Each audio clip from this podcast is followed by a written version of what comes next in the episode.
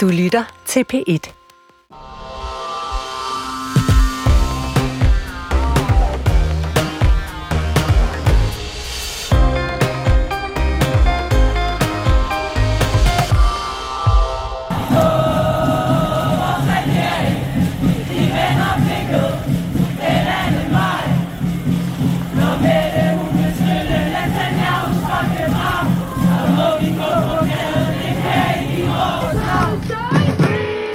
Ja, sådan her var, lød det altså, da tusindvis af demonstranter i søndags gik på gaden for at kræve øjeblikkelig og varig våbenhvile i Gaza, ubegrænset adgang til nødhjælp, en ende på den ulovlige belejring af Gaza og frigivelse af de 7.000 palæstinensiske gisler i Israel mod frigivelsen af de resterende israelske gisler i Gaza. Sådan lød det altså i øh, en pressemeddelelse fra arrangørerne, som bestod af en bred forsamling af Palæstina-solidaritetsgrupper og aktivister bag alle på gaden for et frit Palæstina-initiativet.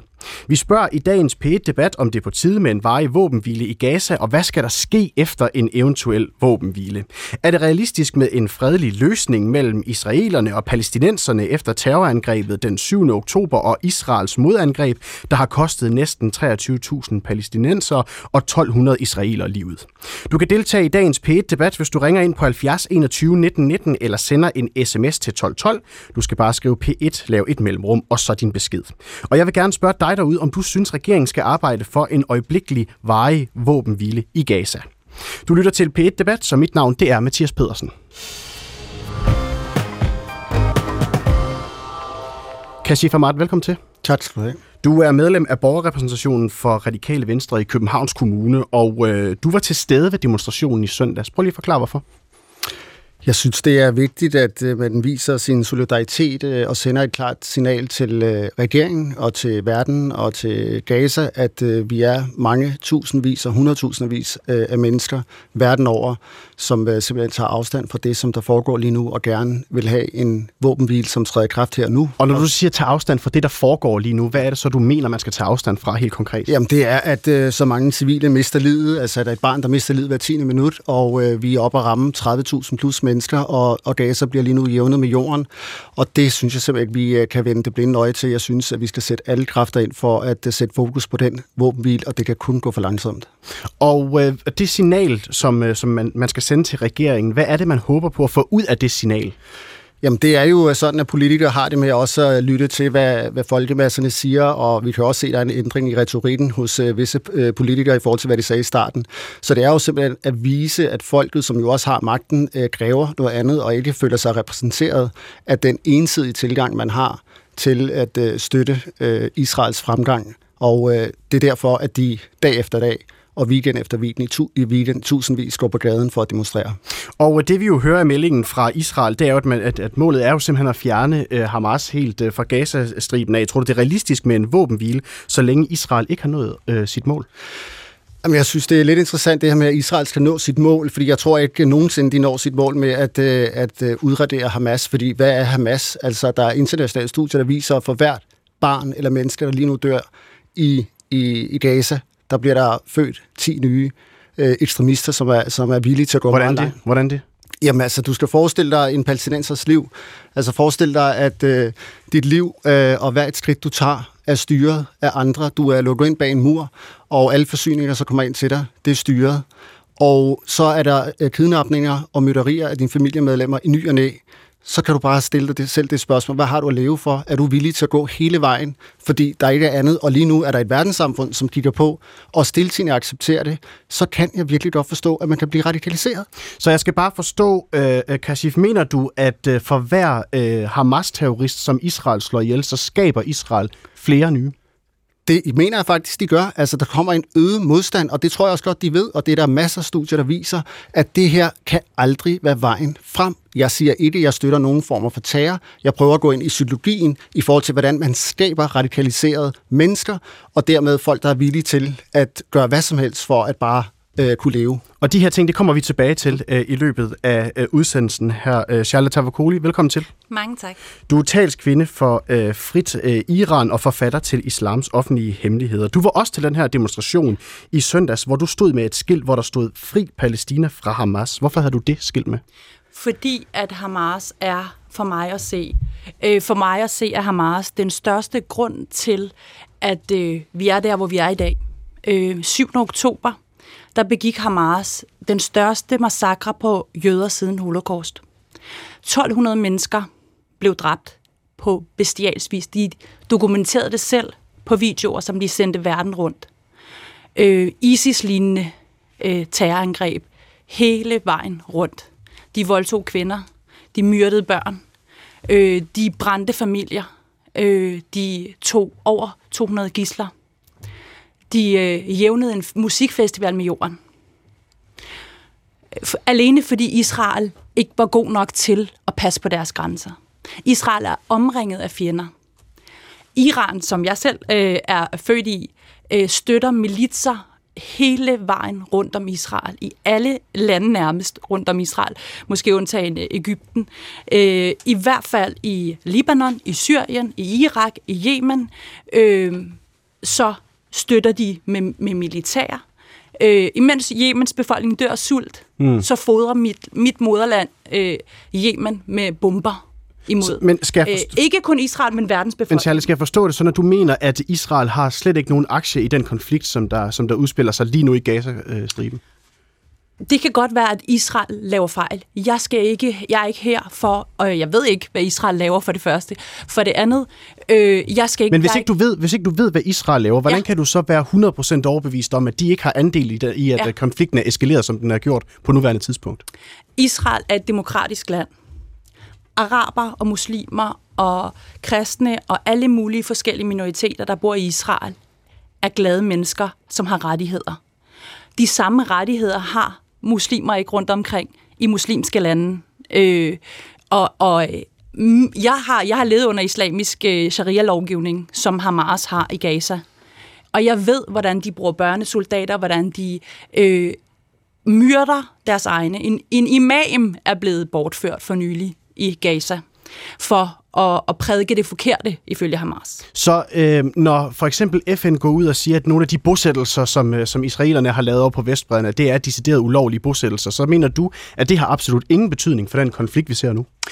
det kan sagtens være, at bosættelserne alle sammen skal skrives øh, væk, øh, og, og når vi finder øh, frem til en tostatsløsning, selvfølgelig går jeg ind for, at vi får en tostatsløsning, men hvis vi skal frem til en forhandling med Israel, øh, at have øh, og komme frem til en tostatsløsning, så er vi for det første nødt til alle sammen at tage afstand fra massakre ikke engang bare terror, mm. men massakre, jødehad, øh, som er for, altså Hamas er et jødehadende øh, parti. Ja, og, og, og Charlotte Havakoli, det kan jo godt være en ja. del af den her fredsforsoning. En anden del kunne vel også være, at man måske anerkendte nogle af de ting, som du også selv siger godt kan være problematiske af de ting, ja. som Israel har gjort i den selv samme konflikt. Ja, det og alligevel så, så stod du før og sagde, at, øh, at det er Hamas ene og alene, der er skyld i den her konflikt. Jeg kan bare fortælle dig, at før den 7. oktober, så levede der ret mange andre mennesker på den her jord, som ikke er her i dag. De er døde. Både på Israels side, og jeg bliver rørt. Undskyld. Mm, det er okay. Det er okay. Sorry. Fordi det betyder for mig mm. noget, at når børn, palæstinensiske børn, de dør. Det betyder noget for mig, når israelske børn dør. Jeg mor. Mm. Men, sorry. Nej, det er helt okay. Det er, det er helt okay. Kashi Fabak. Hvad siger du her? Altså, øh, er, er, altså, er der grund til at se på begge sider i, øh, i den her konflikt her, hvis man skal nå en eller anden form for vejfred? Altså, der er i hvert fald grund til, at vi får begge parter til at sidde rundt om bordet. Og øh, så er der også grund til, at vi som verdenssamfund åbner øjnene for, hvordan der så ud før den 7. oktober. Vi har også øh, grund til at kigge på, at der er en grund til, at FN og Amnesty International har kaldt det for brud på menneskerettigheder, og at der er en historie på 75 års besættelse. Altså, Gaza er jo, jeg ved godt, det bliver kaldt et åbent fængsel. Det tænker jeg faktisk over forleden. Et åbent fængsel er det jo ikke engang, fordi for det første er det kriminelle. Det er børn, og i fængsel har du faktisk nogle rettigheder, og du har ret til at komme til læge. Det har man jo ikke engang i Gaza. Det er faktisk mere en koncentrationslejr fordi hvis du kigger på definitionen af koncentrationslejr, så er det en stor mængde af folk, der så hvad, er lukket inde hvad er det konkret for, Hvad er det konkret for nogle forhold, man lever under under Gaza, som du mener, man overser øh, i, øh, altså i den resterende del, øh, resterende del af verden? Undskyld. Jeg vil sige, det er hele eksistensen af Gaza, altså den mur, som er dømt ulovlig. Det, at alle forsyninger bliver styret, det, at folk er frataget samtlige rettigheder og skal igennem checkpoints og chikaneres. Og så synes jeg, der er noget helt andet, som er vigtigt her. Hvad med Vestbreden? Altså, der er Hamas ikke eksisterende. Hvad med før 2008, hvor Hamas eksisterede? Det her, det er en lang historie, som vi ikke kan se bort fra, og det skal vi have frem på bordet. Og så er jeg enig i, at der skal sluges kameler, men det er en diplomatisk vej, der er vejen frem. Men øh, nu hørte vi så her øh, fra øh, Charlie Tavakoli, hun havde det her øh, skilt her med, hvor der stod øh, fri øh, Hamas, øh, eller fri palæstinenserne fra Hamas. Du er, nå, men det er godt, det, det er helt fint. Ja. Øh, øh, Charlie, så vil jeg godt lige vende tilbage til det skilt her, fordi du sagde også i P1 Morgen, ja. som du var med i i, øh, i går, der ja. fik du sagt, at det her, det var altså også noget, du har taget med for at provokere. Ja, Hvorfor det? Ja, fordi at øh, når man, når man øh, fordi for, for mange øh, bliver ved med at snakke om pro-Palæstina, og ja, da jeg var i God Aften Live med Bilal, som var arrangør i går, så sidder han og siger, men du er pro-Israel. Så siger jeg, men hvorfor kan jeg ikke også være pro-Palæstina? Du udelukker mig, fordi du ikke vil tage afstand fra Hamas. Og det er det, folk skal vide, og det var derfor, jeg lavede den provokation for at sige, de vil ikke have mig med, fordi jeg kritiserer på Hamas. Hvis der er kritik af Hamas, så flipper de, så er der ikke alle, fordi det er jo også en del af pointen. Jeg har selv været med til at arrangere de her demonstrationer, dengang jeg var medlem af enhedslisten. Øh, og jeg har altid altså, vil have fred for med fred i Mellemøsten og demokrati i Mellemøsten og alt det der. Det er hele mit liv. Ikke? Øh, så, så jeg vil selvfølgelig gerne være med til at skubbe på for fred dernede. Øh, og, og vi kommer bare ikke, også hvis vi bare tænker helt kynisk, Israel er militært set stærkt. Hvad regner Hamas med? Mm. Men, men, men, øh, Charlie, men, at der men, sker den, efter men, 7. oktober. Men, men situationen nu her, på nuværende tidspunkt, er jo ret alvorlig. Det tror jeg ikke, der er nogen som helst her ved det her bord her, som ikke vil anerkende. Mm, mm. Synes du, det er tiden til provokationer på nuværende tidspunkt? Hvis vi skal videre herfra, så skal alle tage afstand fra Hamas. Alle skal gå ud og kritisere Hamas og overbevise palæstinenserne. Og fordi er du klar over, hvor mange menneskerettigheds, øh, øh, hvad hedder det, menneskerettigheder, der bliver overtrådt i, i Gaza af Hamas hver evig eneste dag? Homoseksuelle er blevet øh, øh, henrettet. Folk, der er uenige med Hamas, bliver lynchet, øh, tortureret, øh, fængslet, øh, øh, bortført, øh, aldrig set igen. Øh, Hamas er en brutal terrororganisation, også øh, imod deres egne. Og det ved jeg om nogen, fordi at jeg ved, hvad der mm. foregår i Iran, det, det for, der foregår og, præcis de samme ting. Og du ender med at få frataget uh, dit, uh, dit skilt her, fordi det er ifølge Bilal mm. uh, al-Issa, der er talsperson for stop mm. annekteringen af Palæstina, som var en af arrangørerne bag demonstrationen, var, uh, han mener, det var imod retningslinjerne, de her skilte her. Og vi har inviteret uh, Bilal uh, al-Issa, og han kunne altså ikke uh, være med i, i dag. Det var simpelthen ikke uh, muligt. Mm. Så derfor så kan vi heller ikke spørge ham, hvorfor han mener, det var imod uh, retningslinjerne uh, uh, i forhold til demonstrationen i går. Men du stod med det her skilt her i en demonstration, som altså kræver en øjeblikkelig varig våbenhvile i mm. Gaza. Er det noget, du kan stå inden for? En øjeblikkelig øh, varig våbenhvile i Gaza? For at være helt ærlig, så så jeg ikke de der øh, små øh, øh pointer, som de også havde længere ned. Jeg så, at man inviterede hele Danmark til en øh, demonstration for stopannektering af Palæstina og for Palæstina. Så du stod øh, ikke til demonstration for også at kræve en varig øh, våbenhvile i Gaza? Jo, det, det er jeg, men ikke uden, øh, ikke uden at gislerne bliver frigivet. Der sidder en baby øh, øh, fordi han er jøde. Han er altså en racistisk, øh, det er en racistisk organisation, Hamas. De slog de her 1200 mennesker ihjel, fordi de var jøder. Der sidder en baby lige nu som gissel i Hamas' tunneler. Så synes jeg også, at det er på tide, at Netanyahu og Israel også øh, tillader, at de bliver fundet med millioner og har gjort det gennem årene. Jeg synes også, det er på tide, at man ligesom kalder det ud, at øh, Israels, en af Israels ministre har sagt, at Hamas er en fordel for os og for alle, som ikke ønsker en selvstændig, et selvstændigt Palæstina. Altså, der er et dobbeltspil, og det er meget større end som så. Det, det jeg tænker på, og jeg, og jeg vil gerne sige til Charlie, jeg synes, det er virkelig ærgerligt, øh, at, at det skulle ske. Altså, det var få personer ud af 50.000 mennesker. Altså, jeg vil ønske, du kunne gå hele vejen igennem, hele vejen op til rådspladsen i fred, og så øh, er det, hvad det er. Desværre Men- men så hoppede folk på Ja, limpinden. men må jeg spørge dig om noget? Ja. Ja. Synes du, det er et provokerende budskab, der var på det skilt? Det er jo en provokation, men altså, jeg vil, da være, jeg vil grine af det, og så Hvor, sige, hvorfor er det, fint, hvor, smil af det. Nå, Er det, må- Nej, et øjeblik, et øjeblik, et øjeblik. Hvorfor er det provokerende? Jamen, fordi jeg synes, fokuset øh, bliver netop, det bliver sådan et, et politisk statement ind i det fokus, at vi, en, dem, som er der, inklusive mig selv, ønsker fred. Men er du uenig i budskabet? Ja, altså, jeg har tænkt over det, og jeg har tænkt på det der med at befri Palæstina fra Hamas. Det er jo faktisk det, Israel siger, de gør lige nu. Men det, de gør, ifølge mig, er et folkedrab. De jævner øh, Gaza med jorden. Du snakker om 1 eller 1200, vi snakker om 30.000 plus 10.000 plus børn, som mister livet, fordi de har retten til at forsvare sig selv, fordi Hamas gemmer sig bag civile. Derfor synes jeg, det budskab, hvis det er det, Charlie mener, så er jeg imod det. Fordi jeg kan ikke stå og sige våbenhvil på den ene side, og så sige, Charlie har ret på den anden side. De to ting Men er I sammen. enige så langt, at det er ikke Hamas, der skal, der skal sidde på, hvad skal man sige, på magten i Gazastriben? Ved du hvad, der, var lavet, der er lavet en undersøgelse lige op til 7. Øh, oktober, hvor et stort flertal af Gaza ikke ønskede Hamas Jeg siddende. tror, jeg, jeg Og- og, er enig med, med ja. Kashif. Ja, og det er bare det, jeg prøver på at få frem Ja. nu, men I er enige Ja. så langt i hvert fald i konflikten. Ja, jeg synes, det skal være øh, den officielle valgte regering, altså den palæstinensiske regering, som, som skal sidde rundt om bordet, så vi kan ligesom tale på vegne af hele Palæstina, også Vestbreden. Godt. Uh, Trine Pertumak, velkommen til. Tak. Sådan et, øh, et skilt her, hvor der står fri palæstinenser fra øh, Hamas. Synes du, det er forenligt med målet som, øh, med en vå, eller hvad hedder det, varig øh, våbenhvile i Gaza? Altså det må arrangørerne af demonstrationen jo finde ud af. Øhm, altså jeg synes, det er super ærgerligt. To ting. Et, at øh, Charlie og hendes øh, venner, eller dem hun gik sammen med, bliver udsat for det der overfald, og det der ubehageligt, og det er heller ikke rimeligt. Og jeg synes ikke, at nogen skal gøre sig til herre eller kvinder over, hvilke skilte andre går med. Det må en demonstrationsledelse ligesom gøre. Men under alle omstændigheder, så skal det jo ikke foregå på den måde, som det foregik. Øh, så det vil jeg gerne sige. Altså det, det tager jeg da klart afstand fra. Jeg synes også, det er super ærgerligt, at, øh, og virkelig en lille smule forstemmende, fordi jeg hørte det også godt i radioen i går, hvor du sagde, at det var virkelig også lidt en provokation. Og jeg, jeg tænker, at den demonstration, den handler om våbenhvile og øjeblikkelig nødhjælp i en situation, der er noget af det værste, vi har set i nyere tid, der foregår. Mm. Øh, og nu er fokus bare flyttet fra den dagsorden. Og der går mennesker i den demonstration. Og jeg måske også der jeg bliver virkelig sådan lidt personligt sådan lidt, tænker, okay, der går mennesker i den demonstration, der har mistet familiemedlemmer mm. i Gaza, som har familiemedlemmer og venner, de ikke kan komme i kontakt med, som er hundeangst til døgnets 24 timer for, mm. hvad der sker med dem, de kender. Mm.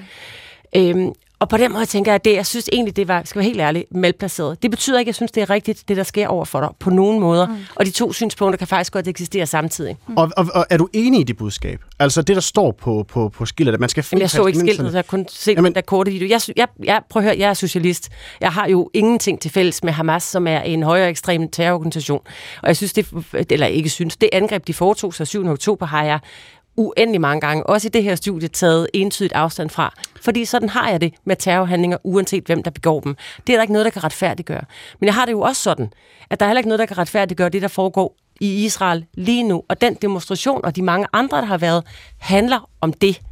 Og jeg tror, det er vanvittigt vigtigt, hvis vi i Danmark skal have nogle begavede debatter fremadrettet om, hvad der er, der skal foregå, også efter en våbenhvile, som jeg håber kommer meget hurtigt. Så er vi nødt til at gøre op med, at fordi man kritiserer Israel, så er man for Hamas, eller hvis man kritiserer Hamas, så er man for Israel. Øh, det er jo ikke sådan, det er. Altså det, man står på, det er folkeretten, det er menneskerettighederne, det er civile menneskers ret til lige rettigheder, hvad de jo vidderligt ikke har i, øh, i hverken i Israel i øvrigt eller i de besatte områder. Og det er jo den diskussion, der er vigtig øh, for at kunne forstå også de politiske dynamikker, som Kashif var inde på før, omkring hvad er det egentlig, der producerer den radikalisering. Jens Christian Lytten, velkommen til. Tak for det. Beskæftigelses- og integrationsborgmester i Københavns Kommune, og så sidder du der for Venstre. Altså, uh, tusindvis af demonstranter var på gaden i søndags for at kræve en øjeblikkelig våbenhvile ja. i uh, Gaza, og for at sende de signaler som noget af det, som Kashif også inde på her uh, før.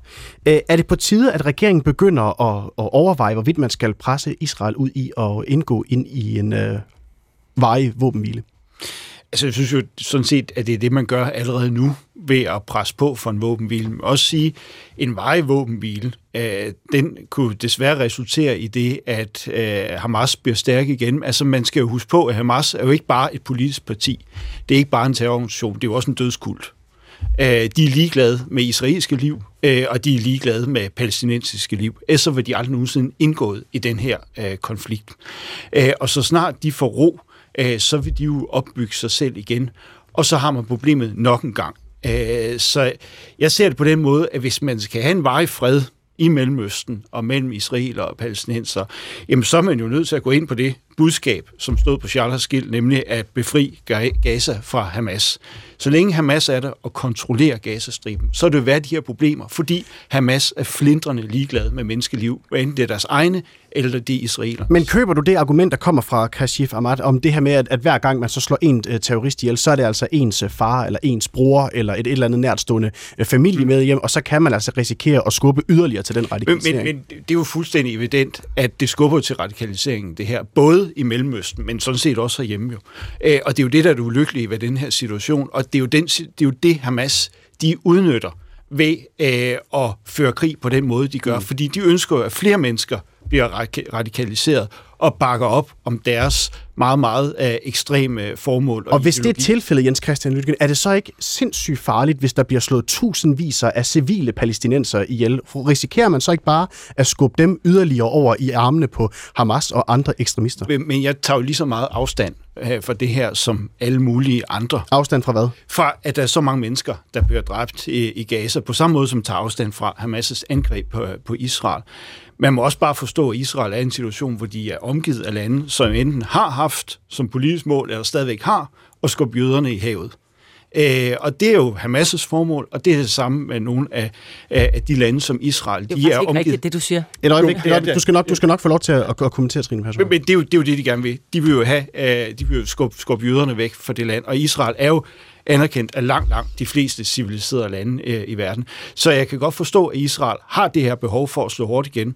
Men Israel er også et demokratisk land, og det er jo et land, som mange af vestlige lande er allieret med eller venner med, så vi har også en særlig ekstra forpligtelse til at påpege, når Israel ikke overholder spillereglerne. Og det synes jeg, det er der mange tegn på, at de ikke gør. Jeg synes, det er meget, meget voldsomt modsvar, der er kommet, og derfor er vi forpligtet for at påpege det. Du siger, der er mange tegn på, at Israel formentlig ikke overholder spillereglerne. Ja. Var det, du sagde? Ja. ja. Og, og hvad? Men jeg, kan ikke, altså, jeg er ikke ekspert i folkedrab og krigsforbrydelser osv. Men øh, et hvert menneske kan jo konstatere, at når der er så mange mennesker, der bliver slået ihjel, så er det meget, meget voldsomt øh, modangreb, øh, som vi selvfølgelig har en forpligtelse til at sige til Israel, det her det er for meget. Omvendt, så øh, kan jeg også godt forstå, at Israel har det her behov, fordi de har også historien med sig, at de altid har været øh, forfulgt, og der er mange, der gerne vil fjerne Israel fra, øh, fra landkortet. Øh, men fordi Israel er et demokratisk land, så har, bliver de bare målt på nogle andre standarder, og det skal de også, og det er også i deres egen interesse. Trine Patsmark. Jeg vil gerne anfægte præmissen om, at Israel er et demokratisk land, og derfor er vi allieret med dem og har en fælles dagsorden som Danmark. Det mener jeg simpelthen ikke er rigtigt. Det er ikke et demokratisk land. Ja, bortset fra, at der jo er diskrimination alt efter, hvilken øh, befolkningsgruppe man tilhører. Og, i øvrigt, og de er i øvrigt også... de er også ja, men der er ikke lige rettigheder, og der er heller ikke lige behandling af arabiske øh, israelere og jødiske israelere. Så det, det er jo et faktum, og det kan man gå ind og læse sig frem til, hvis man vil. Og det næste er, at Israel er jo de facto en besættelsesmagt, der har været det i årtier, og det er jo det, der er de grundlæggende af diskussionen i det her. Det når Antonio Guterres, som er FN's generalsekretær, siger, man kan kun fordømme det, der foregår den 7. oktober, men man er også nødt til at forstå, at det ikke sker i et vakuum. Så det, han siger der, er, at det sker jo efter og på baggrund af, og som et led i alt det, der sker med radikalisering og terroropbygning, når man er et besat og undertrykt folk i årtier. Og det er grundkernen i den her problemstilling. Og hvis vi faktisk, var jeg jo enig i, jeg vil meget gerne have Hamas langt ud af Palæstina og langt ud af verden for den sags skyld. Men den metode, Israel anlægger med, altså som jo er massefordrivelse, krigsforbrydelser og massive bombardementer og pulverisering af hele Gazastriben, det kommer ikke til at fjerne Hamas. Det gør, at det fjerner Hamas ledere, men så kommer der nogle nye radikaliserede terrorparate mennesker. Det er en del af den besættelsesdynamik, der er.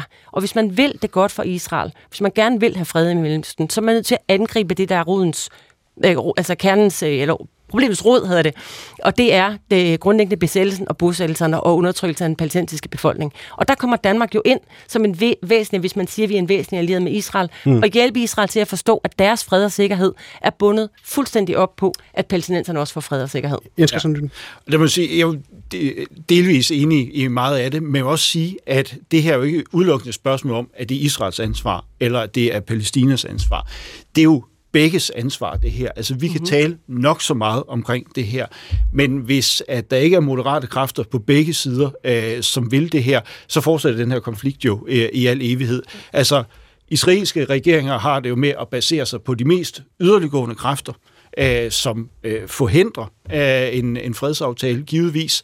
Og det samme med den palæstinensiske side. Altså, palæstinenserne misser aldrig en mulighed for at misse en mulighed. Øh, og de baserer sig også på, på yderlige, yderliggående kræfter. Så man er jo nødt til at have nogle moderate kræfter på begge sider, ellers mm. kan vi ikke gøre noget som helst fra nu, det internationale Og nu bliver der faktisk nikket rigtig mange steder her rundt omkring øh, ombord Kashif Ahmad. Jamen, jeg tænkte bare på en uh, sætning forleden, det er at være med Palæstinas ret til at forsvare sig selv. Overfor? Over for den undertrykkelse, som de bliver udsat for. Altså, hvorfor taler vi ikke om en suverænitet i forhold til Palæstina? Hvorfor skal Palæstina som det eneste land i verden øh, demilitariseres? Det er der ingen andre lande, vi kræver det fra. Altså, vi bliver nødt til at se det i en historisk kontekst. Og så var der en ting, jeg vil gerne sige, det var i forhold til Hamas. Det der med Gaza er Hamas. Jeg dykkede ned i tallene, der kunne jeg se 8 procent, kun 8 procent af de nuværende indbyggere stemte på Hamas i 2006. Og det er fordi, at 50 procent af de nuværende indbyggere er under 18 år. Så det, vi taler om her, det er 8 procent, som skulle retfærdiggøre et folkedrab og fordrivelse på 2,2 millioner mennesker. Det giver jo en mening. Vi bliver nødt til at nuancere den her debat, og så bliver vi nødt til ligesom at i tale sætte det her mastefald, der er lige nu omkring menneskerettigheder og international domstol, som vi bruger efter for godt befindende.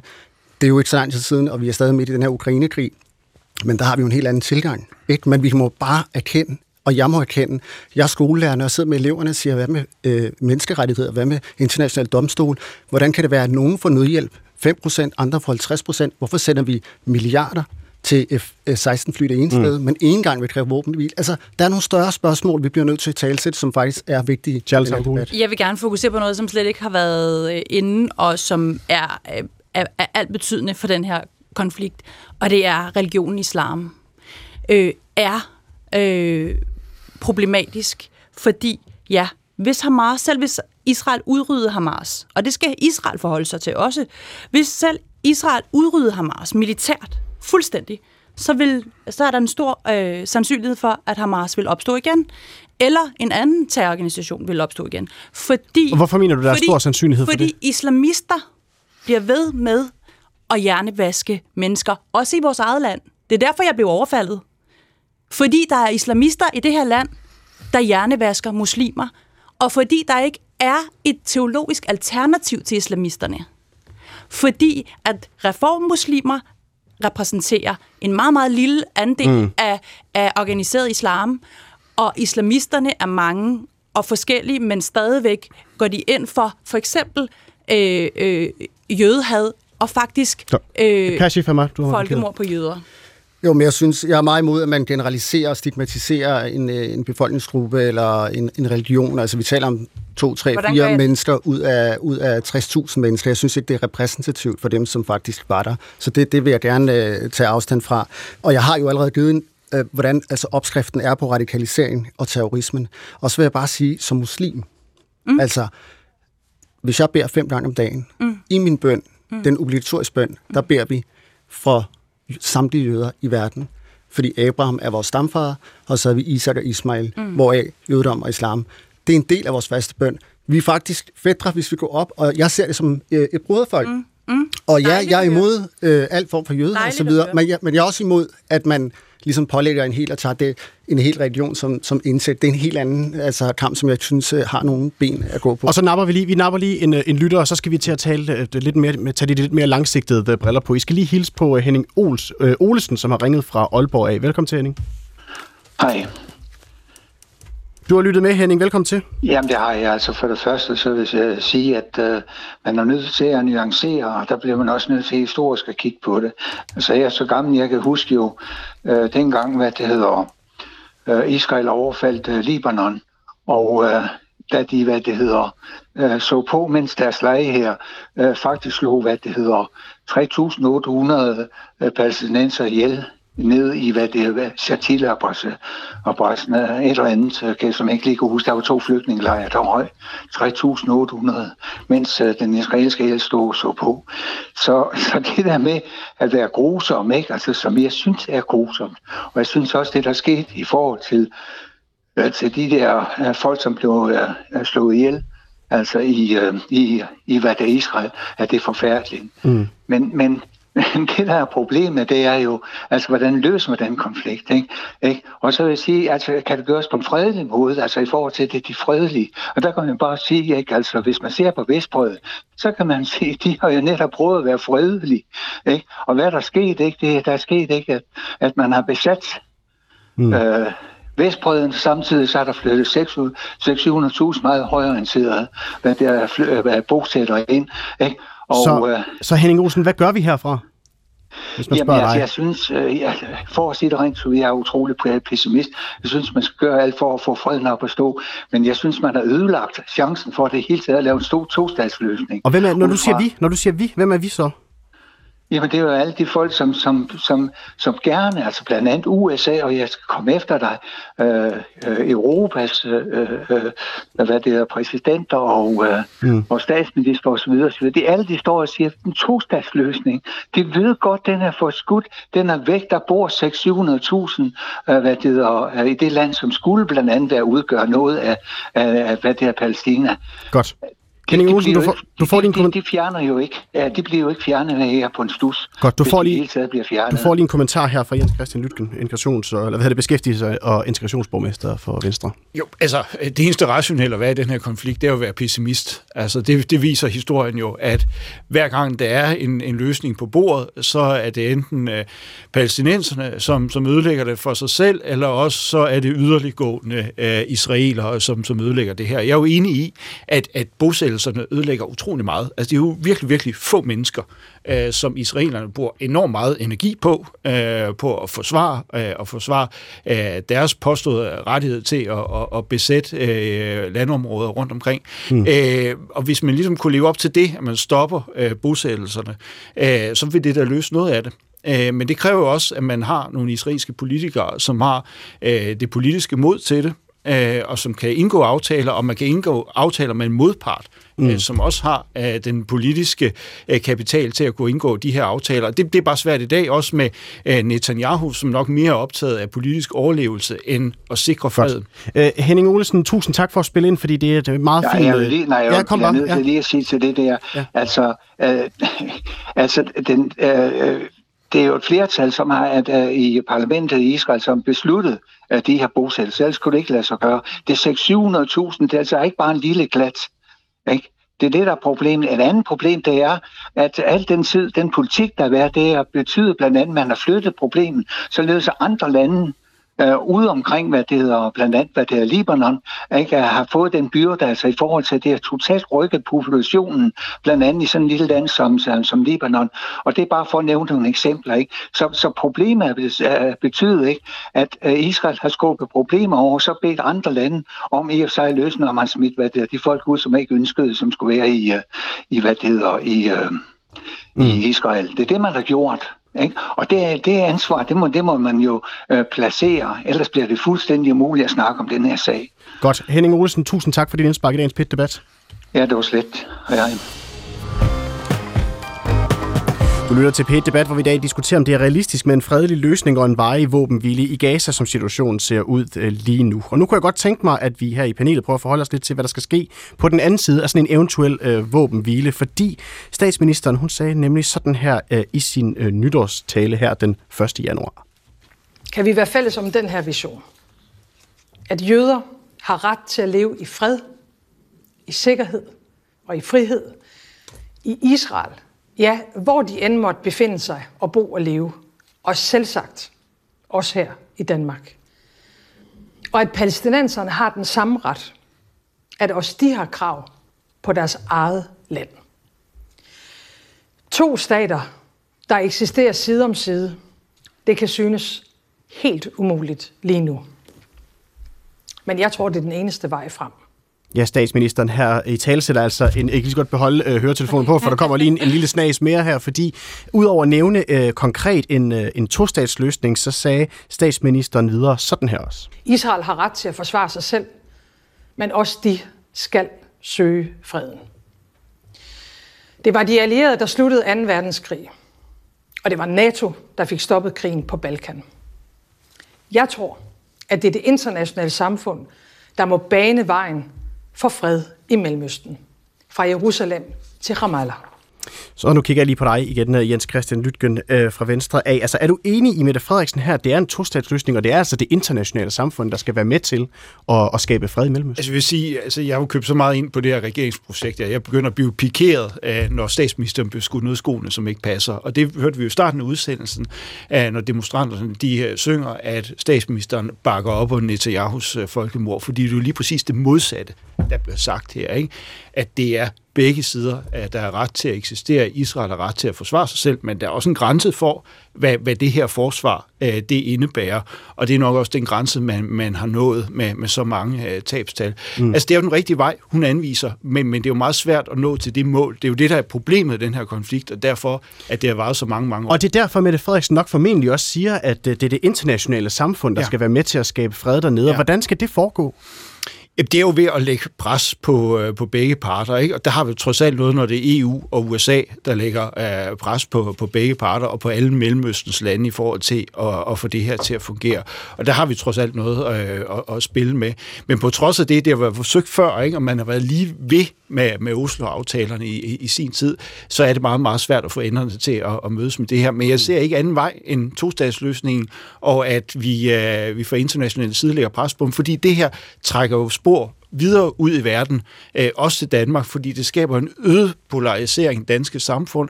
Øh, det puster øh, til antisemitismen. Mm. Øh, det gør, at jødiske børn øh, er nødt til at gå gennem med metaldetektor, når de skal ind på Karolineskolen osv. Så det er jo ikke bare en konflikt, der er isoleret til et lille bitte hjørne i Mellemøst. Det er jo noget, som vi kan mærke i resten af verden, også i det københavnske. Så når det internationale samfund skal til at lægge pres på parterne, ja. og den danske regering skal bidrage til det, skal den danske regering så også være med til at lægge pres på, at Israel de stopper med de ulovlige bosættelser på Vestbreden, og også overlader øh, fuld kontrol over øh, Gaza til palæstinenserne?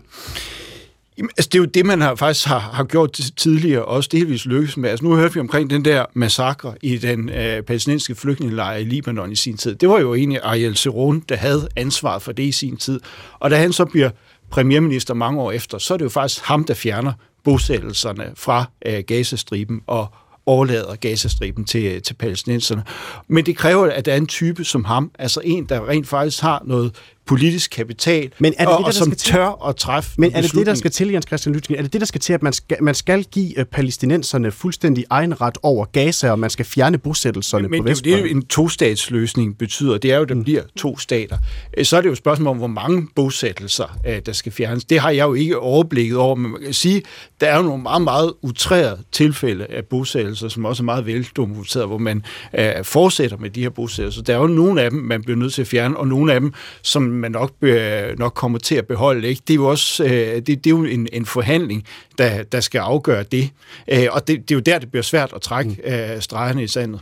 Trine Pertumak, udenrigsordfører for Enhedslisten. Altså statsministeren siger, at hvis der skal komme fred, så kræver det også, at palæstinenserne de tager afstand fra øh, Hamas, fra antisemitismen, øh, antisemitismen, at de anerkender Israel og søger freden. Det var sådan præcis sådan, hun sagde det i øh, nytårstalen. Er du enig med statsministeren her? Altså, må jeg ikke bare starte med at sige, at det, det er lidt ærgerligt at få det til at lyde som om statsministeren har opfundet noget nyt. Altså, det har været dansk udenrigspolitik i overvis, at vi går ind for en tostatsløsning, øh, og det kræver immer væk, at både den ene og den anden side er klar på øh, de forhandlinger. Det, der sker lige nu, er jo, øh, at man bevæger sig endnu længere væk fra den mulighed. Hvis den overhovedet fandtes før 7. oktober, så findes den i endnu mindre grad lige nu. Øh, og det er jo derfor, det her krav om våbenhvile er så afgørende, for den eneste måde at komme ind i det politiske spor, som er sindssygt svært at tegne, og det tror jeg ikke, nogen af os kan. Men hvis man skal begynde at tegne det, så skal der være en våbenhvile, for det, der sker lige nu, umuliggør i endnu større grad mulighederne for på nogen som helst tidspunkt at finde nogen, der kan sætte sig i et lokale. Og fordi man er i færd med at pulverisere den ene del af det, der skal blive til det selvstændige Palæstina. Når du så spørger, om jeg er enig med statsministeren i, hvordan palæstinenserne skal stemme, altså det kan man jo ikke definere på forhånd, og jeg tror forudsætningen for at kunne gennemføre valg i Palæstina, det er jo, at der ikke er nogen krig, og det er, at der kommer en genopbygning i Gaza, for lige nu der er hoved, størstedelen af Gazas befolkning fordrevet og lever i telte eller på skoler eller et eller andet sted, hvor der ingen sikkerhed er. De mangler mad, de mangler strøm, de mangler alt. Der kommer ikke til at gennemføres et valg lige her nu. Så den diskussion om, hvad der skal komme på det tidspunkt, det må man jo, må man jo tage, og i øvrigt så skal det jo være fri palæstinensiske valg. Det, der er afgørende, er, at man får startet en politisk proces, som, og der er jo en med statsministeren, selvfølgelig handler om en tostatsløsning. Det er der, hvor man har nogle fordringer på, os selv som en del af det internationale samfund. For Men- det løfte har man givet for mange år siden. Men det her politiske spor her, kan Hamas godt være en del af det spor, hvis man spørger dig? Altså det... Jeg tror ikke, at det er... Det er ikke nemt at sige lige nu, om der skal stå på begge sider. Der er en valgt israelsk regering. Den har jeg heller ikke noget politisk til fælles med, men den er valgt. Jeg tror, det kloge ville være, hvis man kunne forestille sig, at palæstinenserne udpegede en eller anden form for overgangsregering, som havde en eller anden form for samling af de aktører, de ønsker skal være forhandlere på deres side. Altså, der er jo et PA, altså et selvstyre. Mm. Det har bare ikke særlig stor troværdighed i den palæstinensiske befolkning, fordi det er dybt korrupt, og det har ikke leveret nogen fred, og slet ikke nogen selvstændighed. Så der er alle mulige udfordringer på den front. Men det her, det er, jo Øhm. så, det er jo noget, der bliver så aktuelt i det øjeblik, man så siger, nu er der en varig våbenhvile, så er det Jamen, vel er der, der skal til at begynde at være. bare, Ja, men der er bare en eller anden præmis, der går lidt galt, hvis vi tænker, at vi udefra, uanset hvor meget jeg foragter Hamas og alt, hvad de står for, alt, hvad de har foretaget sig, og hvad de formentlig vil være klar til at foretage sig, at vi skal definere, om de skal væk, før palæstinenserne kan få ret til at forhandle selvstændighed. Men, Det er et farligt spor at bevæge sig ud af, tænker jeg. Så det er jo fyldt med dilemmaer, det her. men kan det lige præcis det svære spørgsmål der, kan det ikke være en af årsagerne til, at, at det måske kan blive umuligt at få fredsforhandlinger i gang? Hvis man kræver øh, rendyrkede demokrater på begge sider, før der kan gå fredsforhandlinger i gang, så er det svært at se muligheden for, at der kommer nogen på den der palæstinensiske side. Det er også svært at se, at de kommer på den israelske side. Det er den virkelighed, vi lever i.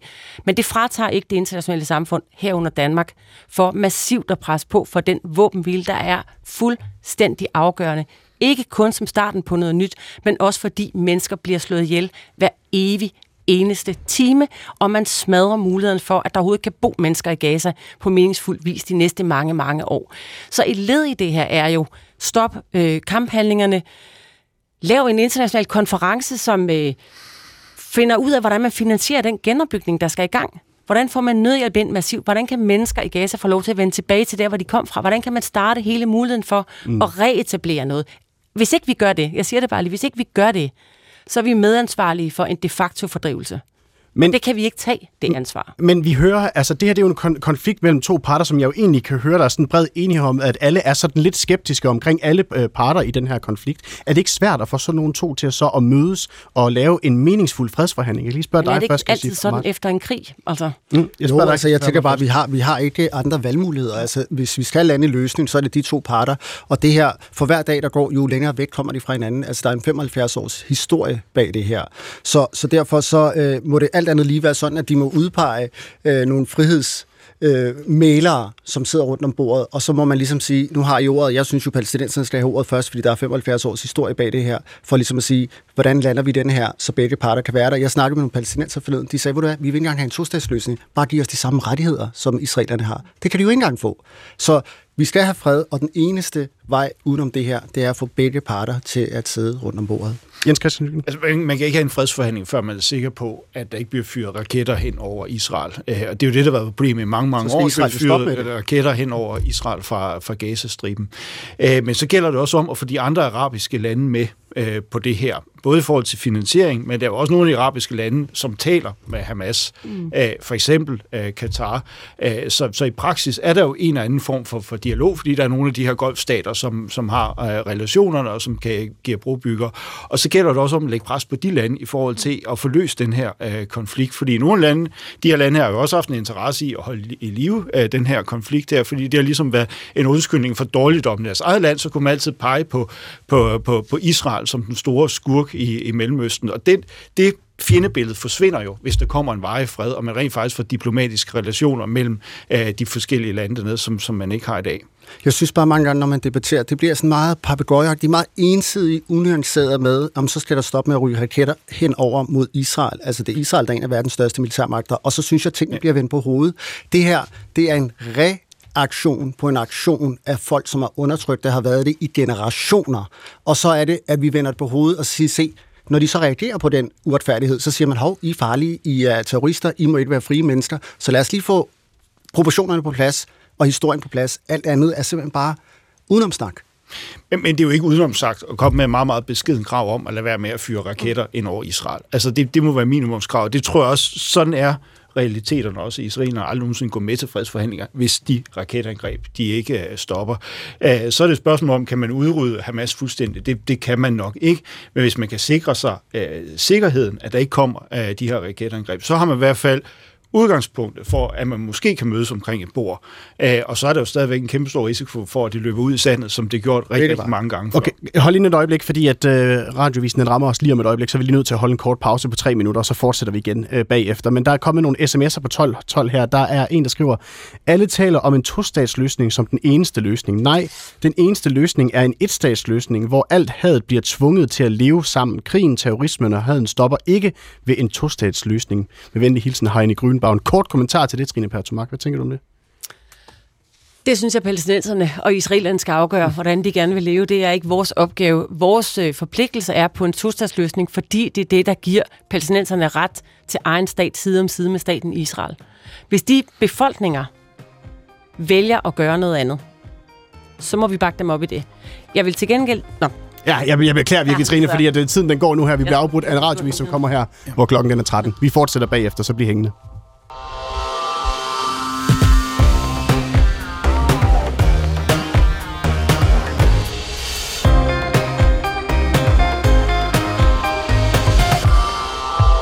Tre måneder er nu gået siden Hamas-bevægelsens terrorangreb i Israel, hvor 1200 mistede livet og 200 blev taget som gisler. Og siden er bomberne faldet over Gazastriben, og ifølge sundhedsmyndighederne i Gaza er over 23.000 palæstinenser blevet dræbt af israelske angreb. Og det har demonstranter og NGO'er og flere statsledere kaldt af alt fra krigsforbrydelser til forbrydelser mod menneskeheden og til decideret folkedrab.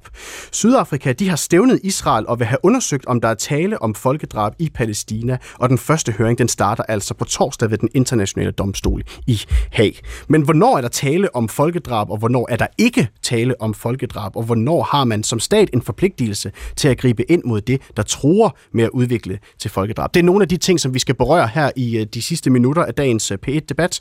Mit navn det er Mathias Pedersen, og velkommen til. Lotte Folke, velkommen til. Tak. Du er redaktionschef for Opinion på øh, Politikken, og øh, som jeg nævnte her i min introduktion, så har øh, Sydafrika og Israel, øh, de har jo som Danmark tilsluttet sig øh, FN's øh, folkedrabskonvention, der altså forpligter landene til ikke kun at retsforfølge folkedrab, men altså også at gribe ind øh, mod det, der truer sig til at udvikle sig øh, til et folkedrab. Og øh, torsdag, der skal, øh, der bliver det her altså taget op med de første høringer øh, i den internationale domstol i øh, Haag, og du skriver i din leder i, øh, i søndags, at det var på høje tid. Prøv lige at forklare mig for. Det er på høje tid, fordi folkeretten, som er det, øh, der er på spil her, er det sted, hvor vi kan afgøre, hvornår øh, et angreb bliver så blodigt, at det er for meget, øh, hvornår vi andre skal gribe ind, og hvem det vi er. Og det vi, det er os, der mener, at man skal respektere det enkelte menneskes liv, det civile menneskes liv, og beskytte det i vidt muligt omfang. Og det er, denne her sag er det første, det første gang, det lykkedes at bringe denne her krig ind i det folkeretlige system. I denne her specifikke sag handler det om, om der foregår et truende folkedrab. Jeg håber virkelig meget, at der vil komme andre sager, for eksempel ved den internationale krigsforbryderdomstol, der er en anden, som kan vurdere andre folkeretlige forbrydelser. Det kan denne her nemlig ikke. Mm. Og det virker meget sandsynligt, at begge parter, også Hamas, har begået krigsforbrydelser, formodentlig måske øh, forbrydelser mod menneskeheden. Og hvis vi skal mødes et sted om at være mennesker, om at tro på en verdensorden, om at der er grænser for, øh, i hvor høj grad vi skal løse tingene ved vold, som vi den seneste time har hørt, vi ikke kan, så er folkeretten og domstole som dem her, det er det sted, hvor vi skal gøre det. Så jeg synes, det er utrolig glædeligt, at der nu går første skridt i sådan en proces i gang. Ja, er det ligesom det, der er det, det positive, hvis man ser det fra, fra din øh, stol af? Det er det her med, at det her det er måske første led i en længere proces, Ja. hvor vi får svar på nogle af alle de spørgsmål, Ja. som der er opstået i, øh, under hele den her sag. her. Ja, altså et, et udmærket eksempel, og det tror jeg så er grunden til, at jeg egentlig tror, der bredt over det polit politiske spektrum af opbakning om det her. Danmark er jo en stor støtte af den internationale domstol. Det er jo, at der er jo mange, der har sagt, at Israel begår folkedrab lige nu i Gaza. Det hørte vi også i den seneste time her. Men det er jo et meget juridisk begreb, og der er mange, der meget rimeligt har haft den indvending, at det kan man ikke bare slynge ud om andre. Det skal simpelthen domstolsprøves. Det er faktisk det, vi har et system til, og det er måske det vigtigste system, vi overhovedet har for at vide, hvad vi kan anklage hinanden for, men også for, når Israel nu møder ved de her høringer, og give den anklagede part mulighed for at sige, I tager fejl. Det er ikke det, vi laver. Så handler det her om klarheder, eller handler det også om, at du har en formodning om, at der, der kan altså være både brud på, øh, på, på, på konventionerne i forhold til folkedrab og på krigsforbryderdomstolen? Altså, det er jo meget svært øh, for alle lige nu at vurdere, og jeg øh, kunne forestille mig, at det nok ikke. Jeg ved det ikke. Jeg, jeg kunne forestille mig, at det godt meget vel ikke kan ende med, at man vurderer, at der er truende folkedrab. Jeg ved det simpelthen ikke. Jeg har hørt rigtig mange, øh, også folk, jeg stoler på, sige, at de ser meget massiv dokumentation for noget, der er længere nede af skalaen blandt folkeretlige forbrydelser, for eksempel krigsforbrydelser. Øh, og det skal jo i lige så høj grad retsforfølges øh, og straffes. Mm. Så uafhængigt af kendelsen, så synes jeg, det er ekstremt vigtigt for os som verdenssamfund, at vi får lavet denne her ryggrad i, hvad foregår der overhovedet, for det er den, som de efterfølgende forhandlinger om, hvad man skal gøre ved konflikten, skal basere sig på. Hvis ikke man har nogen retfærdighed, så kan man heller ikke få nogen fred. Og hvordan skal de kunne basere sig på det, som de her, altså som for eksempel domstolen her måtte, måtte nå frem til? Jamen det skal de jo ved, at det her er jo et regi, hvor man rent faktisk skal dokumentere sine anklager. Altså, øh, vi har jo set debatten om øh, denne her krig med også god grund være præget af meget stor mistillid til mediedækningen. Jeg mener heller ikke, at vi etablerede medier altid har gjort vores arbejde lige godt. Øh, vi har ikke folk inde i Gaza. Øh, også vestlige medier, det har øh, nogen, men øh, for eksempel danske medier har, har det ikke til at dokumentere, hvad der foregår. Som i alle andre forbrydelser, jeg mener, det er åbenlyst, der sker massive forbrydelser her, så er det jo først og fremmest utrolig vigtigt at få dokumenteret hensides enhver tvivl. Mm. Hvad er det egentlig, der foregår her? For det ser ekstremt alarmerende ud. Jeppe Søg, velkommen til. Tak for det. Du er udenrigsordfører for Moderaterne. Altså, er du på samme måde som Lotte Folke glad for, at nu kommer nogle af de her øh, spørgsmål, som vi har øh, haft, både på den ene og på den anden side, op for en reel domstol? Ja, det her det kan gå hen og blive en meget, meget kedelig debatprogram, for jeg er enig en til en i, øh, i det, som, som Lotte påpeger her, har i øvrigt også været det fra starten. Øh, fordi der gik jo ikke ret lang tid efter øh, det her bestialske terrorangreb, der skete øh, 7. oktober, før vi i Folketingssalen øh, blev mødt med Øh, ja, udover at vi i vores indbakker og meget andet blev mødt med, med, med direkte had, så også øh, som en folketingsbeslutning skulle til at stå og drøfte, om det var os, der ligesom skulle øh, vurdere, hvornår er noget et folkedrab, eller hvornår er noget krigsforbrydelse. Jeg synes ikke, det er åbenlyst. Jeg sidder jo altså også i nogle udvalg, hvor jeg får ting at vide, som man ikke må sige højt. Jeg synes ikke på nogen måde, det er åbenlyst. Det er nok den del, jeg er uenig med Lotte i, fordi det er ikke min opgave, eller Lottes, eller politikens, eller nogens, øh, anden end netop domstolene, der skal pege på, hvad er op og ned i det her. Hvorfor, det glæder jeg mig til. Jamen, et øjeblik, jeg besøger. Hvad er det, der gør, at du, øh, at du mener, at det ikke er så åbenlyst? Nå, men det er ikke åbenlyst, fordi der er jo Øh, jeg kan ikke, jeg, jeg kan jo, det er jo det, der er, det er hovedproblemet er jo selvfølgelig, at man ikke kan, kan fortælle alt, hvad man får at vide af efterretninger. Men det skal jo altså være efterretninger, som, øh, som afgør, om noget er forkert eller ej. Jeg kan i hvert fald øh, pege på, uden at blive konkret, så kan jeg da pege på nogle af de angreb, som øh, sociale medier er flyttet over med, øh, har været øh, øh krigsforbrydelse fra, fra Israels side, øh, hvor vi i hvert fald har hørt øh, noget, der gør, øh, at, øh, at jeg ikke er øh, overbevist på nogen måde. Mm.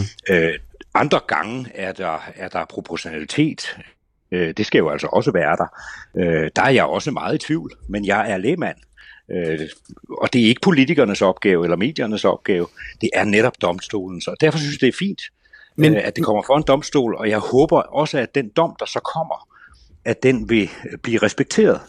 Fordi polariseringen, som er herhjemme, hvor mm. vi kaster med ting efter hinanden, den har brug for en eller anden form for afgørelse, så vi kan komme videre og arbejde mod en to-statsløsning. Men skal jeg forstå det sådan, jeg besøger, at du ligger altså inde som udenrigsordfører for Moderaterne, så ligger du inde med en viden, som gør, at, øh, at du er slet ikke så, øh, hvad skal man sige, så overbevist om, at der er sket uh, uhensigtsmæssigheder i forhold til brud på både uh, enten folkedrab eller på, på, altså i forhold til krigsforbrydelser osv.?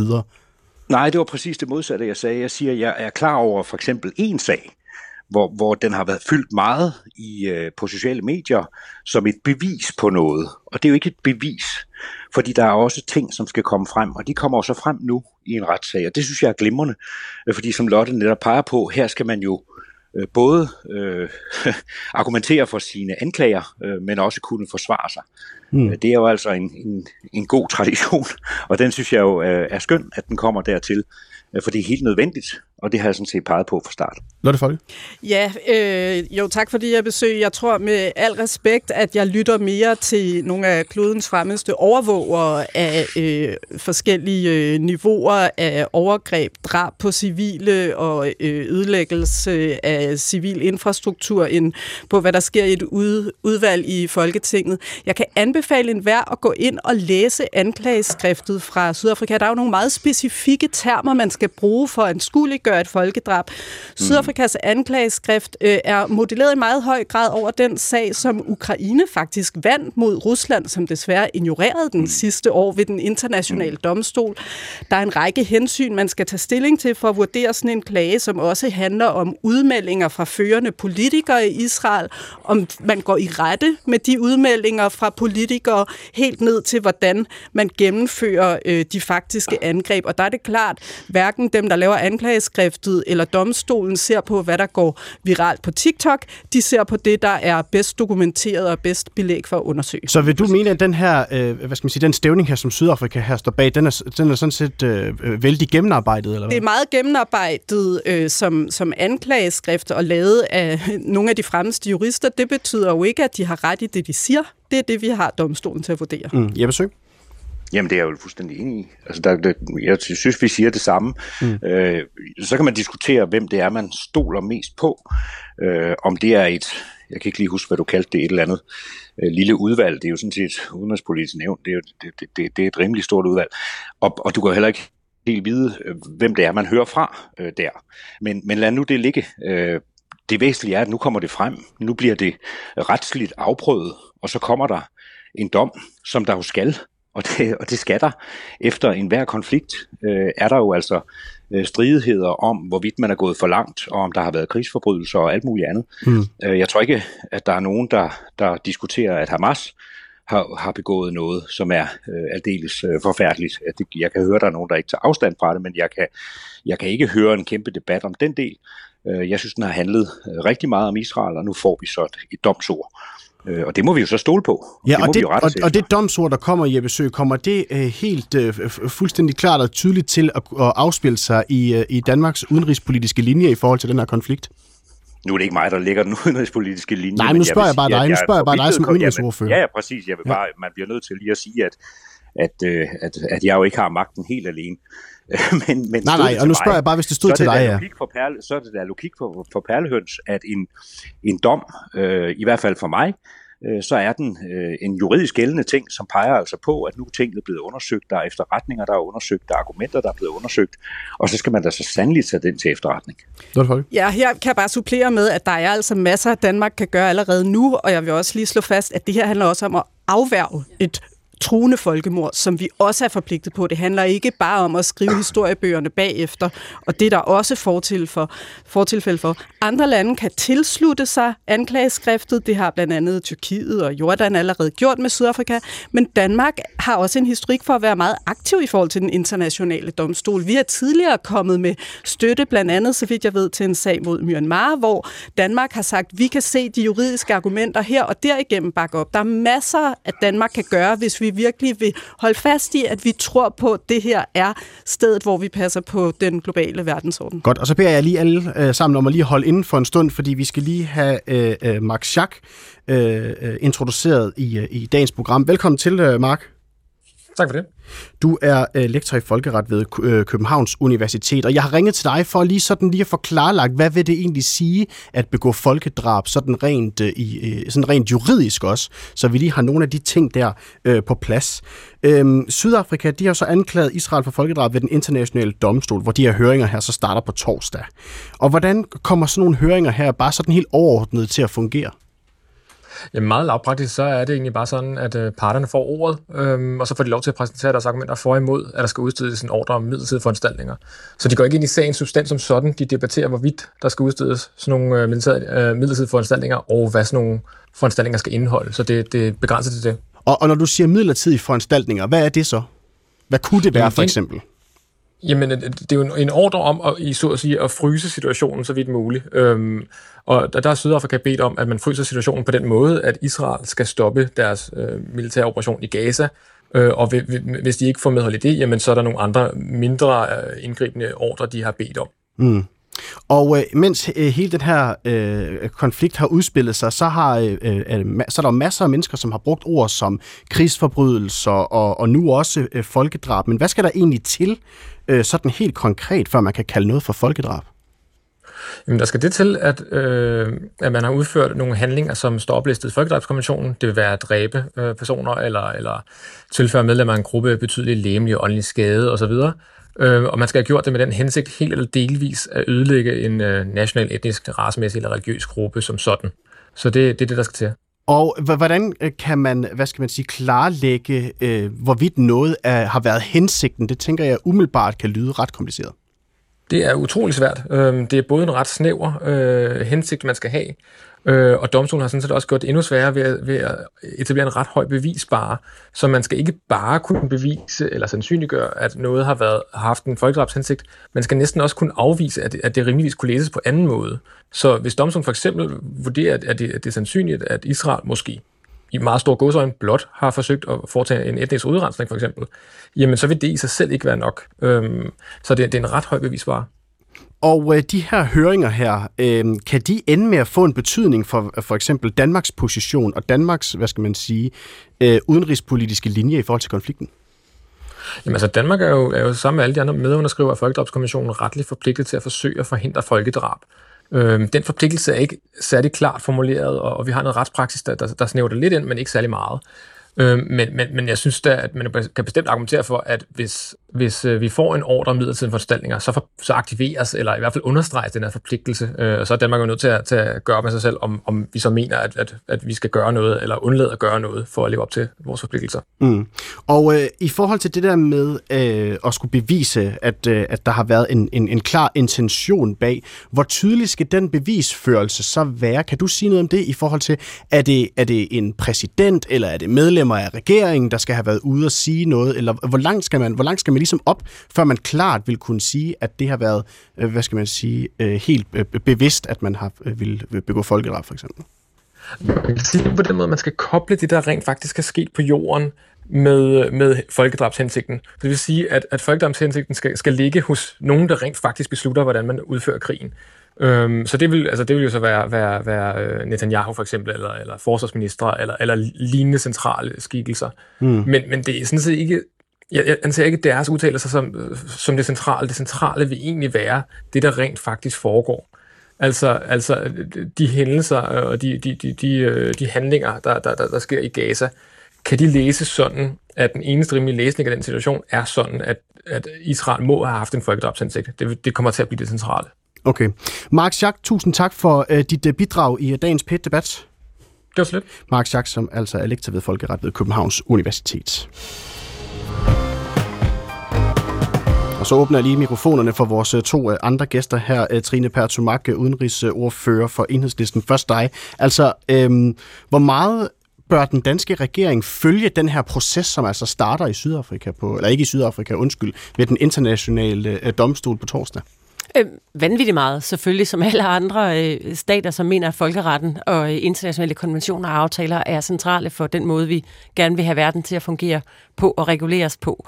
Øh, men det skal man også, fordi at øh, hvis man skal følge det juridiske spor, man kan sige i sidste instans, hvis det her det ender med at blive godtgjort, at Israel i virkeligheden forsøger at begå folkedrab, så kan Danmark jo, altså så har man jo et retligt medansvar, måske, kan nogen finde på at skulle godt gøre. Mm. Men jeg synes virkelig, at det andet spor, som er det politiske spor, som alt det, der ligger inde i en egentlig domsafgørelse, er det interessante.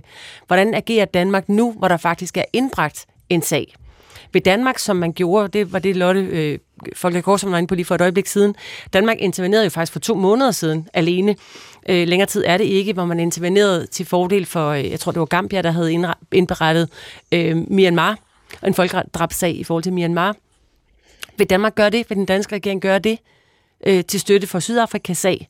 Det vil jo være en politisk statement om, at man tager det her meget alvorligt, og man ønsker at bruge det internationale system. Hvad mener du, når du Øh. siger in- intervenere? Det skal jeg lige forstå. Ja, man aktivt går ind og siger, at vi bakker op om, at den her sag er blevet indbragt for, øh, for den internationale domstol, så, så man ligesom politisk siger, at det her er så vægt, vigtigt for os, vi er så bekymrede, at det her, det mener vi er rigtigt at lægge det ind i det system, som netop er det regelbaserede system, vi har, som skal afgøre de juridiske beslutninger her. Så det, det er du, den ene ting. Det, Så, man- ja, ja, og, og bare lige for at holde fast ja. Ja. i den ene ting til at starte med. Øhm, det du godt kunne tænke dig at se fra den danske regering er, det er, at de ligesom går ud og bakker op omkring den her, at den her sag her, den bliver øh, fremlagt for den internationale domstol. Ja, helt oplagt. Jeg vil også i virkeligheden synes med den, øh, med den hvad kan man sige, øh, retorik, som regeringen har lagt for dagen, at man vil afvente juristernes afgørelser af folkedrab og krigsforbrydelser og det ene og det andet, så vil det jo være helt naturligt, at man bakker op om det her og siger, at det her det er politisk vigtigt, og vi er et af, en af de stater, der sætter os bag. Ikke fordi vi afgør på forhånd, hvad vi mener, men at vi vil have dem, der har forstand på det til at afgøre, hvorvidt der kan være tale om folkedrab. Men den anden ting, som jeg synes er vigtigt, det er virkelig alt det, der handler om at forebygge folkedrab. Der er jo, altså, det er jo sådan, at vi forpligtet som underskriver her af konventionen til at forebygge mulige folkedrab, eller et muligt folkedrab, og risikoen for det, vil jeg jo hellere sige, for et folkedrab. Hmm. Og det er jo derfor, at hele den der diskussion omkring den, øh, hvad hedder det, vedvarende våbenhvile er så afgørende, for det er jo den helt umiddelbare måde at forebygge, at noget eskalerer til det, som kunne ende med at blive et folkedrab. Jeppe Sø, indtil videre så har du været øh, enig med stort set alt, øh, Lotte Folke har sagt fra politikken af. Hvad med så langt som det, Trine Pertumak fra Enhedslisten siger? Nå, men jeg er, ikke, jeg er ikke enig i, at vi behøver at gå ind i den. Øh, jeg, jeg afventer øh, juristerne. Jeg synes, jeg har bakket op om den i alt min tale. Det er ikke min beslutning, øh, hvor den danske regering skal lægge sig. Men altså, jeg bakker op om, at det er juraen, der nu må tale. Og jeg vil gerne have lov til at sige tak til Bet Debat for, for, at det faktisk er en nuanceret debat, hvor man også har en mand ind, som kan forklare, hvad folkedrab i virkeligheden er. For det er jo som om, at vi i det her land er begyndt at bruge ordene i flæng og, og skriver det på nogle banner, uden helt at forstå, hvor vilde begreber øh, det er, vi bruger om hinanden. Og allerede der starter polariseringen jo. Så, så det synes jeg var, var dejligt at høre, og nu har vi så en, en juridisk vurdering, der starter på torsdag, mm. og, og den afventer jeg. Og, og, og det, der jo er på nuværende tidspunkt, det er, at der er flere lande som Jordan, Tyrkiet og Malaysia, som efterfølgende sådan har tilsluttet sig Syd, Sydafrikas øh, søgsmål. Bør den danske regering ikke nødvendigvis måske tilslutte sig, men øh, hvad skal man sige, øh, øh, byde den velkommen eller støtte op om, at den i hvert fald bliver forelagt en international domstol? Jamen, det har jeg jo lige gjort i et debat i hvert fald, så kan I jo oversætte det til engelsk. Ja. Øh, om, så den, øh, om, så den, øh, om så regeringen også gør det, det er, det er over min øh, pay grade.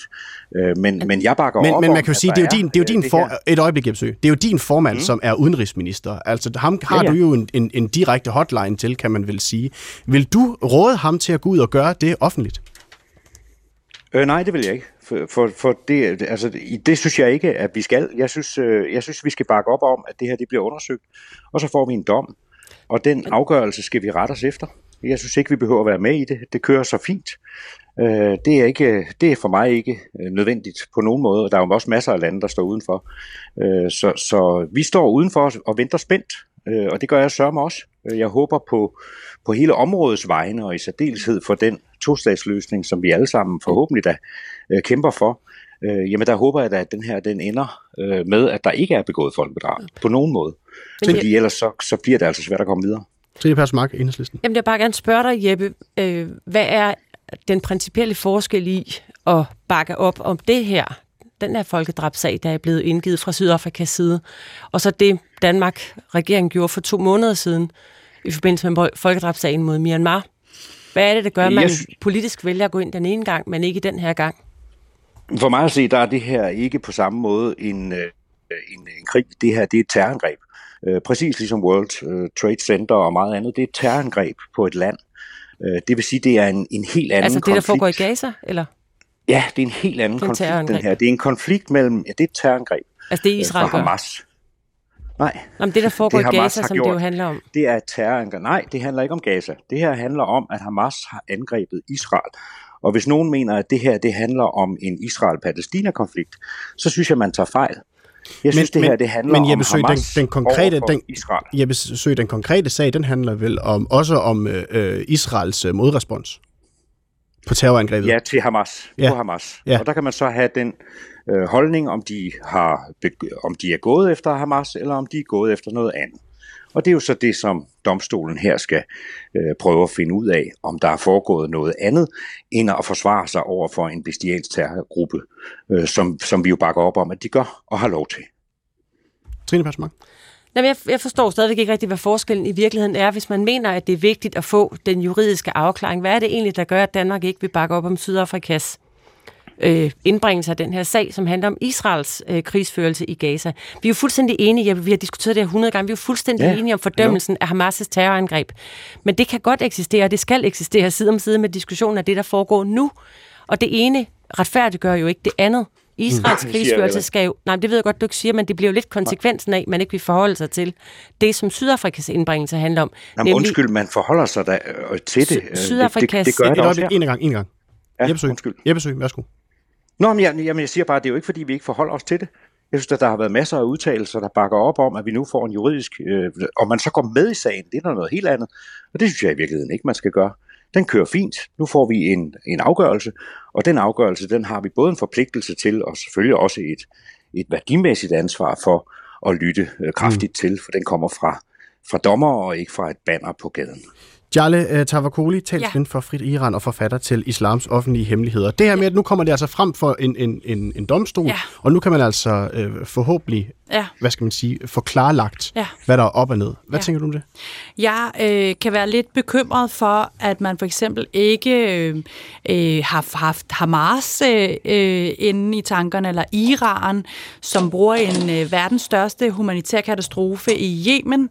Øh, enormt mange mennesker dør af sult øh, i Yemen, og øh, mit moderland øh, fodrer dem med våben øh, og bruger børnesoldater. Øh, også mod øh, verdensbefolkningens handelsskibe i det Røde Hav. Hvorfor er Iran ikke øh, blevet øh, hævet øh, øh, i folkeretten? Øh, jeg synes, der er et, jeg, synes, der, jeg synes, man kritiserer Israel for ting, man ikke kritiserer andre for. Øh, og hvis man, hvis man ikke... Og hvem er det, der ikke gør det? For at være ærlig, der, så er det jo venstrefløjen øh, tit og ofte, at jeg ser, øh, behandler Israel på en anden måde, end man behandler alle mulige andre.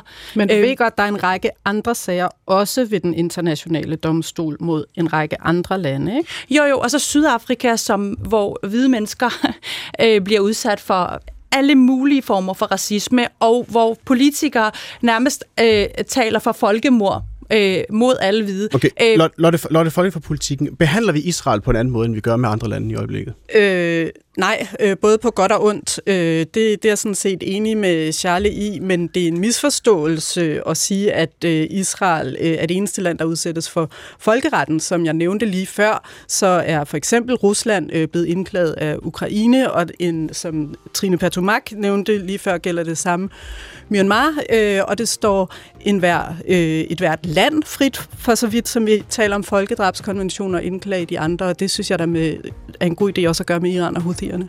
Og mere når vi ikke i dagens udsendelse af PET Debat. I skal sammen tusind tak, fordi I kiggede forbi. Det her program det blev til i samarbejde med Camille Michelle Mikkelsen og øh, Christian Flækner Gravholdt. Mit navn er Mathias Pedersen. Tusind tak, fordi I lyttede med.